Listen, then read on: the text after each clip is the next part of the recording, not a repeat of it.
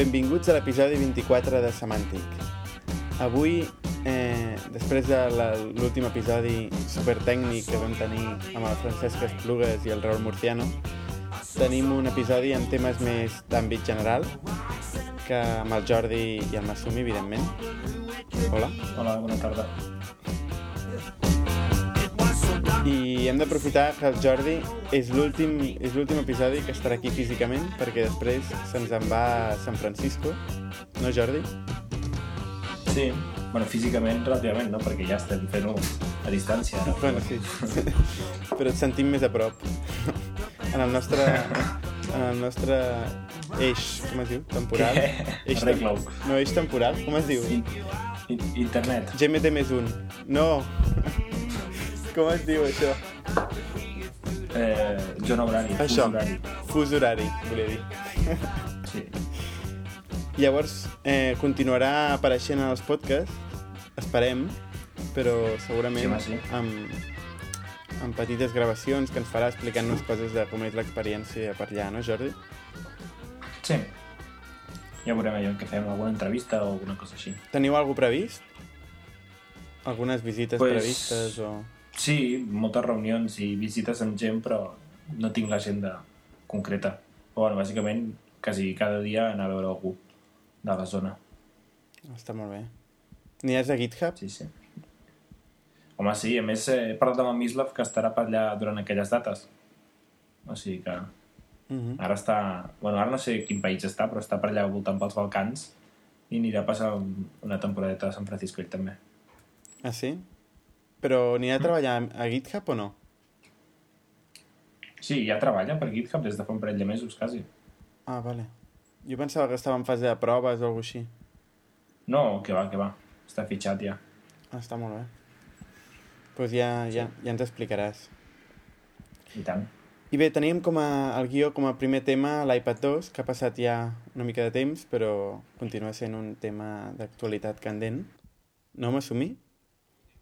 Perquè precisament a, a Espanya encara no ha sortit, no? en molts llocs del món no ha sortit, només ha sortit fa una setmana als Estats Units, però eh, de fet la data de sortida aquí és el divendres, el divendres d'aquesta setmana i bueno, hi ha molta gent preocupada perquè als Estats Units s'està acabant l'estoc i diuen aviam si això afecta a Europa també hi ha hagut aquesta catàstrofe al Japó, el tsunami, que bueno, s'ha de dir que hi ha dues companyies japoneses ara no recordo quines són, que són bueno, les que proveeixen, per exemple, la memòria flash, que han estat afectades pel tsunami, però segons Apple no hi ha hagut cap problema, tenien suficient, suficient guardat i no es veurà afectat el, bueno, l'arribada a Europa de l'iPad 2. Uh -huh.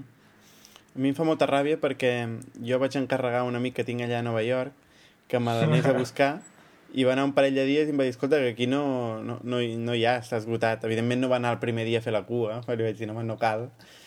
I, i com que estava esgotat, el, el va demanar per internet i resulta que la data d'entrega és el, el 20 d'abril o alguna així. Dius, tio, has tindrà tothom aquí, m'arribarà a mi el- el- l'iPad americà. Però bueno, m'han dit que... Quasi tornaré abans jo amb el meu. Sí, sí, abans tornaràs tu amb el teu, segurament. M'han dit que tu, Massumi, aniràs a, a, a acampar, no?, a la, a la maquinista. Sí, la veritat és que no he fet mai això. Home, acampar no acamparé, però segurament anirem doncs, un parell o tres d'hores abans que obrin i aviam si podem parlar amb algú de la cua i cobrir una mica l'esdeveniment aquest una mica friki perquè no, no ho hem fet mai, pot ser interessant. És, és interès purament periodístic, no? Sí, sí, no hi ha cap mena d'interès personal en, en la compra d'un iPad, no, és totalment periodístic i ho faig per l'amor al podcast. Per semàntic. Molt bé. Molt bé, i ho Segur agraïm molt maquinista a les l'audiència. 6 del matí és molt interessant. Sí. Està bé, està bé. Bé, i, i en quant a novetats i coses noves que incorpora el nou iPad, alguns comentaris? Doncs eh, el més important jo crec que és el tema de, de, la, de la càmera, que no tenia càmera i a part, doncs, una de les, o sigui, a mi el que més m'ha agradat que no és només exclusiu de l'iPad 2, sinó que és simplement a la mateixa conferència ho van presentar, és el GarageBand per iPad. I és que pots bueno, ja existeix aquest programa per Mac, és per fer edició musical en plan amateur, i ara doncs ha sortit per l'iPad i no sé, pots tocar la guitarra i a més hi ha instruments com intel·ligents per la gent que no sap tocar. Pots gravar, fer les teves composicions. I el que em va, em va fer més gràcia és que, clar, tots els programes que havien sortit, tots el software que havia sortit fins ara de, de per exemple, de teclats a l'iPad o coses així tu tocaves una tecla i independentment de quina força ho fessis sonava la mateixa intensitat la nota però la, amb el GarageBand Apple ha, ha fet servir el, em sembla que és l'acceleròmetre i detecta més o menys, suposo molt més o menys, la força amb què pitges la, la nota. I llavors doncs, tens, pots fer dinàmiques mentre toques i tal, que això és molt interessant en un, en un tros de vidre. I fins i tot pots connectar instruments reals, com en el GarageBand normal d'ordinador també. Sí, exacte, guitarres elèctriques, etc. Bueno, millor, millor connectar instruments reals que tocar la guitarra amb l'iPad, perquè em sembla una mica com estrany, no? Vull dir, és la, el mateix, vull dir, no notar les cordes que tocar una pantalla, com, com les... Home, una guitarra sí, però un teclat virtual sí que està bé tenir-lo. Un teclat sí que pot ser més interessant. Clar, vas afegir pistes. Sí, sí. De fet, veus la... O sigui, no tens el tacte, no? Però veus la corda la pots arrossegar per fer, els efectes aquests de modulació, de so i coses d'aquestes, que també, no sé, no sé, ja... Pot, pot ser interessant, depèn de, de l'ús que se li doni, i a més això que també he comentat, que hi ha com instruments eh, que es diuen... Ah, no me'n recordo el nom, però són instruments que tenen un, una rodeta que tu li dius posa'm en mode principiant i tu simplement toques l'acord que vols i la, el, el GarageBand et fa una mena d'acords i arpegis amb aquell to i només has d'anar apretant un cop. Vull dir, no cal que sàpigues guitarra realment per tocar-ho. I bé, canviat de tema però mantenint l'iPad doncs també el yeah. tema de que bueno, han canviat el ara és més fi.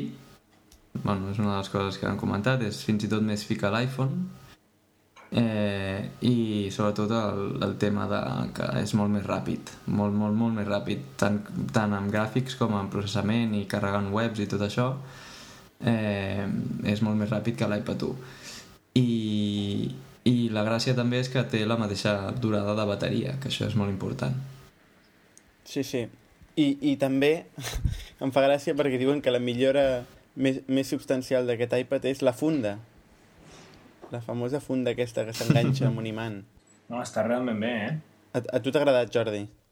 A mi molt. El problema és que els colors macos són els, els de pell i valen com 70 dòlars o 80, no sé quan, una passada. Sí, són més cars. I respecte a la càmera, he sentit crítiques de que és bastant dolenta i... No he vist cap foto encara ni, ni, he, invest... uh, ni he investigat sobre la càmera però home, no crec que sigui molt, molt pitjor que la de l'iPhone, però podria ser. No sé, la veritat, tampoc és un estri amb el que crec que surtis al carrer a fer fotografies, vull dir, per això tens si la càmera de l'iPhone és millor, doncs l'iPhone i si vols fer fotos, fas fotos amb una càmera de veritat. Ja, ja, ja. Clar, tot depèn amb què ho comparis, no? perquè, per exemple, el, el zoom eh, no sé si té mi, millor càmera i millors característiques, però clar, el problema amb aquests en dispositius és ja no tant a nivell de, de hardware com de software, no? És el que diu molta gent, que la quantitat d'aplicacions que tens per, per l'iPad i més si ja tens un iPhone en el qual et pots beneficiar de les aplicacions que ja tens, clar, eh, és el gran avantatge, no? Perquè, i a part que el hardware del Zoom és molt, molt car. Vull dir, la, el tablet és molt car. Llavors, clar. I a part també una cosa que m'ha agradat és el, el concepte, o sigui, el fet de que el, comprant amb les 16 gigas eh, i només wifi, la majoria de gent que tenim, per exemple, una, un iPhone ja en tenim prou, no? Perquè pots utilitzar el, el, el hotspot nou que ha aparegut amb el nou iOS i connectar-te via wifi amb l'iPad i curiós, és curiós perquè quan et connectes via wifi amb l'iPad, per exemple, passes a tenir a l'iPad GPS, encara que en el model wifi no tens GPS. Ah, sí? Això ho he sentit. I, i pots... Sí, i programes com per exemple Skype programes, per exemple, Skype, en aquell moment s'activa l'opció de, de videoconferència via 3G, Ah, hòstia. que normalment amb el model un wifi no pots. Llavors, clar, si tens aquesta combinació, doncs és fantàstic. Està molt bé, això no ho sabia. No et cal gastar tanta pasta. S'ha de puntualitzar que això només va amb l'iPhone 4, eh? Sí, sí, clar, aquest és el problema, el no? 3GS no. Ells no creen tot el seu, tota la seva biosfera Apple i si estàs Bueno, fora, estan empenyent estàs fora. gent que té el 3GS que es compri el proper model d'iPhone quan surti. Sí. Sí, sí. I bé, no sé, alguna novetat també interessant relacionada amb el, amb el nou iOS 4.3? Doncs no, no en sé cap altre, però bueno, ja parlant amb, de software d'iPhone, últimament hi ha hagut molta polèmica per lo que eh, Twitter anomenava la Quick Bar, però gràcies al John Gruber es va donar a conèixer com a la Dick Bar, que era la barra de... la barra de... com es diu això? Trending Topics que sortien al client de Twitter per iPhone i que tapava totalment el timeline i que no es podia desactivar. I ha generat bastanta polèmica perquè això va junt amb el tema de la, dels canvis en els termes de servici de... Ui, termes de servici. els terms of service de, de l'API de Twitter que li, limiten les, els clients de Twitter de tercers. I no sé si heu llegit alguna al respecte. Sí, sí. És una, una, bueno, una cabronada, em sembla a mi. Eh, tant la, la Dick Bar, que primer era, vull dir, estava com flotant i no es, i es movia sempre, vull dir, s'anava movent, després ho van Tapava arreglar... i- sempre. La, sí, ho van arreglar i l'han ficat a dalt de tot, que bueno, tot i així molesta. És que a més, és el Sí. que diu Marco Arment en el seu, en el seu post, en el seu blog, que no és que et vulguin forçar la publicitat i, i, i et vulguin ficar allà el trending topic encara, encara que no el vulguis veure. És que està dissenyada amb el cul, a més. Sí, és sí, sí, realment. És realment molesta, no? Però, i sobre lo de... No afavoreix res, no aporta res. Sí. I sobre lo de... Lo de això de tallar la- l'API de, de Twitter, Uh -huh. Home, clar, és, és, una, és una putada sobretot per totes les aplicacions que estan utilitzant-la, no? Que cada dia n'hi ha més Sí. i, que, i que està molt bé. O sigui, la, de fet, des del punt de vista de desenvolupadors, a nosaltres el que ens molaria és que Twitter es convertís en un protocol i que tothom pogués utilitzar-ho de la seva forma. com una plataforma. Però ells... però llavors no tenen cap manera de guanyar diners. Ja. I el que ells han dit és que mm, la gent pot fer servir la plataforma per crear aplicacions verticals o d'estadístiques de reports, però que ningú més pot crear clients de Twitter, excepte els que ja existeixen, que per ara els deixen existir, però ja veurem què passa en el futur. I han dit que no accepten nous clients de Twitter, no els hi donen permís a, a consumir dades suficients de l'API directament. O sigui que han, han decidit tenir ells simplement el monopoli dels clients mòbils, perquè clar, si no, totes les seves possibles fonts d'ingressos, que són els, els trending topics esponsoritzats i, i la propaganda de la pàgina, desapareix amb un client propi. Mm -hmm. I no podrien, per exemple, cobrar per l'ús de l'API? Bueno, però segurament no podrien cobrar prou com el que cobren posant anuncis o amb les sponsoritzacions que ja tenen, o sigui que no crec que els hi sortís a compte. Bueno, bàsicament han decidit que no hi ha clients de tercers de Twitter a part dels seus i que si la gent vol fer programes per Twitter que facin el que ells anomenen això, aplicacions verticals que fan estadístiques i les típiques tonteries que la gent posa en el Twitter. Ja. Bé, mm, la gent que li està tan aficionada amb, amb clients concrets eh, no li semblarà gaire bé. Com l'Ecofon l'Ecofon o el és un tu- company de Teambox. O el TweetDeck o... Sí, o... Doncs ara fa molta gràcia perquè cada vegada que a l'Ecofont té un petit endarreriment en, en tornar a la resposta, diu, ui, ja, Ja l'han ja tallat. ha capat. sí, està collonit. Sí, sí. Bé, està bé. Eh, altres temes que tenim avui. Sí, jo volia parlar del Barcelona Wi-Fi, que va venir Pol Badal a explicar-nos com estaven desplegant eh, la xarxa per Barcelona. I resulta que avui dilluns eh, és el dia en què ha sortit realment oficialment la nova xarxa. I comencen a desplegar-ho per semàfors de, de 10 en 10. I comencen a, per la zona de l'Eixample, plaça Catalunya, per si algú li interessa. Ah, molt bé. És molt interessant perquè bueno, és una xarxa unificada per tot Barcelona amb el mateix SSID que tu des del mòbil vas connect, pots estar sempre connectat via wifi si vas pel carrer I- o estàs sentat en un bar. I és Quin bastant pràctic. SSID és? Ni idea. Ha sortit avui, m'assumi. Encara no ho sé. Ja, Però ja- No, em pensava que... Em pensava que era super ràpid. No, no, però al següent podcast ja n'informarem quin és l'SSID i els secrets d'aquesta xarxa. Més dades imprescindibles i concretes. I altres novetats interessants d'aquesta setmana, bueno, el, els dominis XXX, l'ICANN els ha aprovat, i sempre em fa molta gràcia el, el concepte aquest de l'ICANN, aquest consell de, que es reuneixen i, i aproven un domini o un altre, i que després ho aprova l'òrgan de, de les telecomunicacions nord-americà, que ens fa sentir la resta del món com simples ovelletes, al, al servei dels americans, que ens acceptin o no ens acceptin. És d'aquestes entitats que no saps qui els ha donat el poder. Exacte. Però mira, ja estan. Allà estan. Com les GAE. Sí. sí, sí. En el seu moment es va haver de plorar per aconseguir el .cat en aquesta gent. I, I ara el donen per qualsevol merda. Sí, exacte. Ara el donen al, a l'XXX. Que per cert que no està d'acord ningú als XXX. Ni les- ni l'Església, evidentment, ni, ni els governs, ni els Però propis, ni ni els propis de sols- la indústria porno, perquè diuen, ostres, Exacte. llavors ens bloquejaran només pel domini, Exacte. ja directament. Exacte. És que la idea és, és ridícula, és molt dolenta. Sí. Home, és pràctic, no? Perquè... Però per qui és pràctic? Ja, per ningú, realment. Perquè llavors, fins i tot el consumidor es delata amb ell mateix escrivint això. Exacte. A l'historial ja no pots dissimular. Però és graciós, si més no, és molt graciós. Sí, això sí. De totes formes, el de l'historial, depèn de quins títols d'aquest tipus de pàgines, eh, crec que Sí, tampoc no, no. molt. Era una broma. Que sou, ets, un- ets un consumidor habitual o, o com va això? No, no, jo ho dic per sempre que he vist així de, de refiló el teu portàtil i refiló. he vist tota la llista. Bueno, avui, perdona, hem fet una reunió de negocis molt interessant parlant sobre aquest tema a l'hora de dinar. Sí, sí. S'han reunit com uns 10 mascles Un informàtics i, i pocs altres temes poden sortir, evidentment. Però bé, anem a, anem a un tema més elevat, com podria ser Backbone. Tenim apuntat aquí Backbone, que ho ha apuntat de fet el Jordi, però jo vilment li he robat. no, perquè eh, fa temps que també hi, hi és estat treballant. I... Què és Backbone? Què és Backbone? Bona pregunta. és un framework eh, MWC, és a dir, model vista controlador. La W Què? és perquè és de moltes vistes. Ah, he dit W, volia dir... volia... volia dir B baixa, B baixa.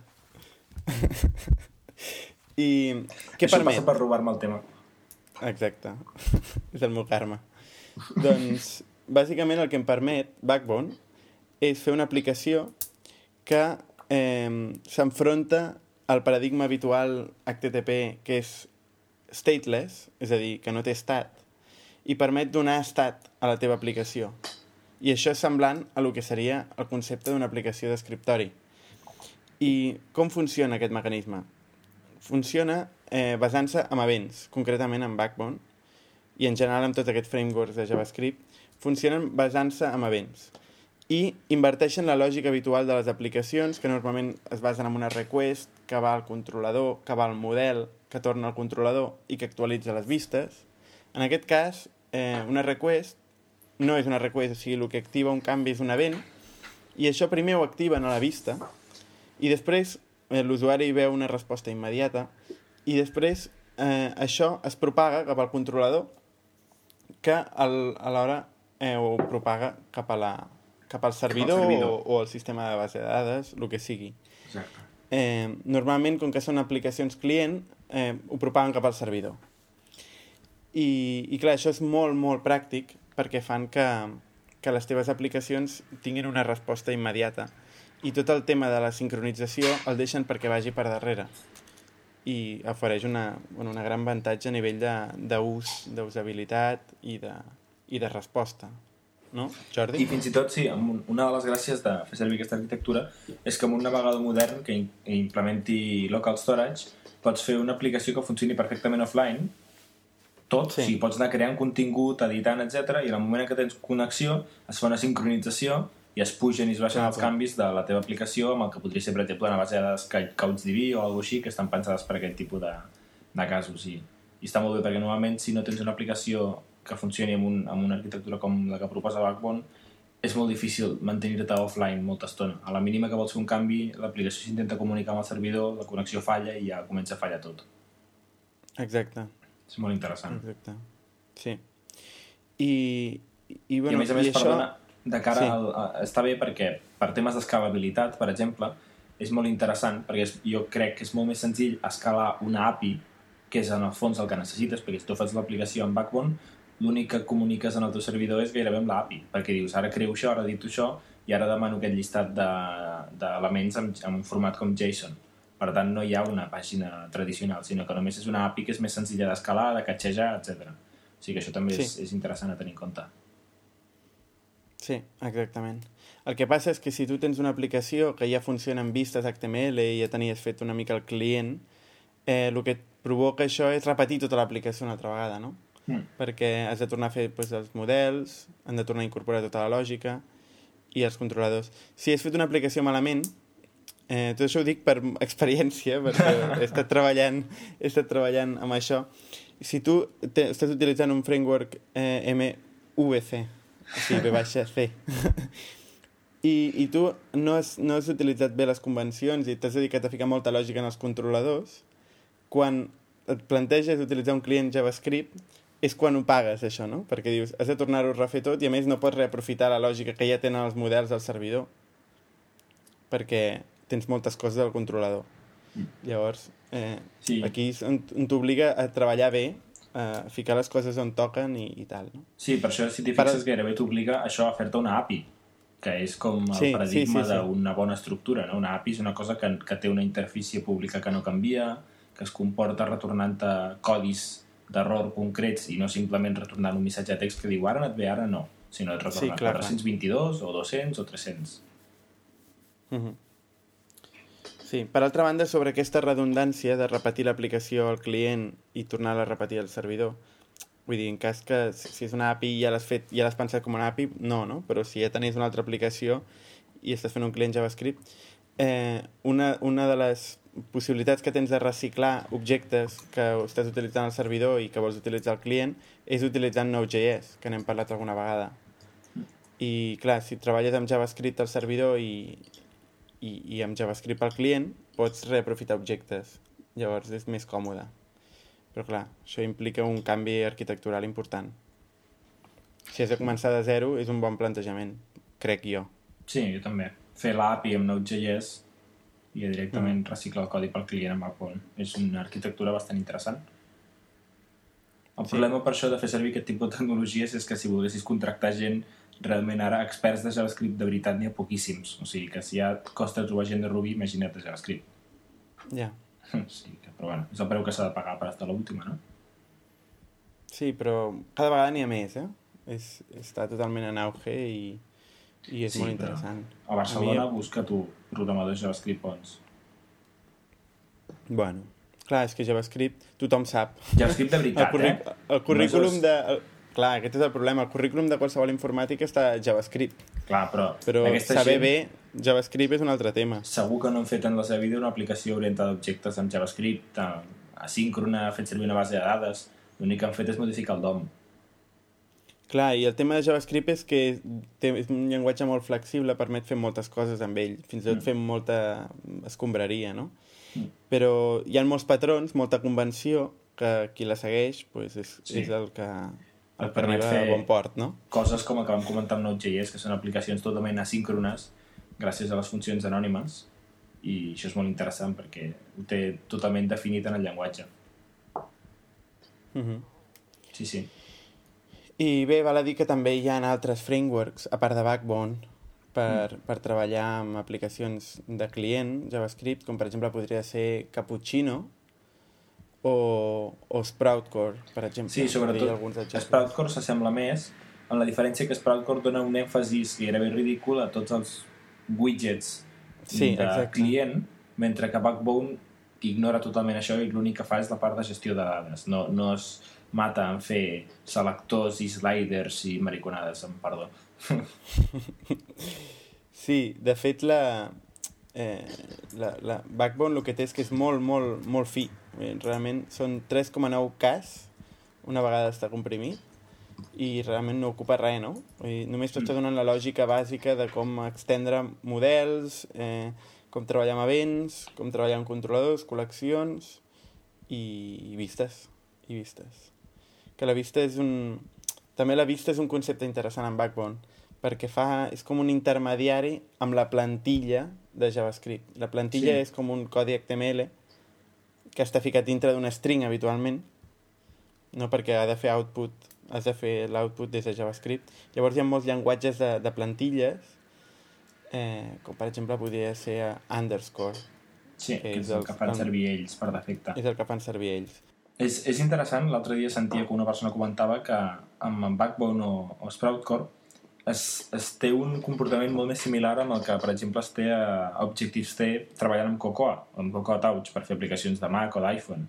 I és aquest concepte de que tu crees una vista, l'enllaces amb un controlador i fas que es comuniquin entre elles, que és molt diferent a com es funciona normalment amb l'arquitectura web, on tens una vista que és estàtica, i que quan vols generar una altra cosa doncs en generes una de nova i l'altra la llences a la basura.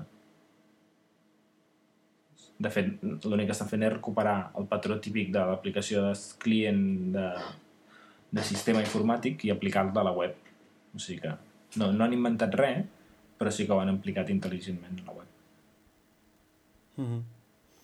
En fi, que és un tema molt interessant, que si hi ha desenvolupadors webs que volen estar al dia, s'han de ficar amb això, Sí, sí. perquè realment és lo último.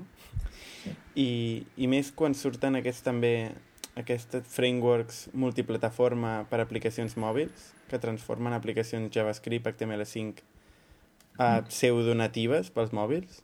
Sí, Com... Com- És interessant treballar amb aquestes tecnologies també, no? Titanium i Accelerator i aquest tipus de Sí. plataformes. Sí, sí, està molt bé. Exacte. Veurem, veurem com evoluciona el tema, el tema de la web. I bé, jo crec que podem passar a la secció tips and tricks, que no ens n'hem oblidat, tot i que en un parell d'episodis no sé si ha aparegut. El Masumi té, té algun parell de, un parell de tips and tricks? Masumi? Sí. sí, avui parlaré de Catch, un programa que es diu Catch, és per Mac, eh, però bé, per, per explicar Catch, primer d'explicar què és eh, Show, RSS, Show RSS, no sé si ho coneixeu, és una web que et permet eh, registrar quines sèries mires, per exemple, no sé si mires How I Met Your Mother, poses, eh, doncs te la registres i et, et genera una adreça que és el RSS de les teves sèries, les sèries que mires.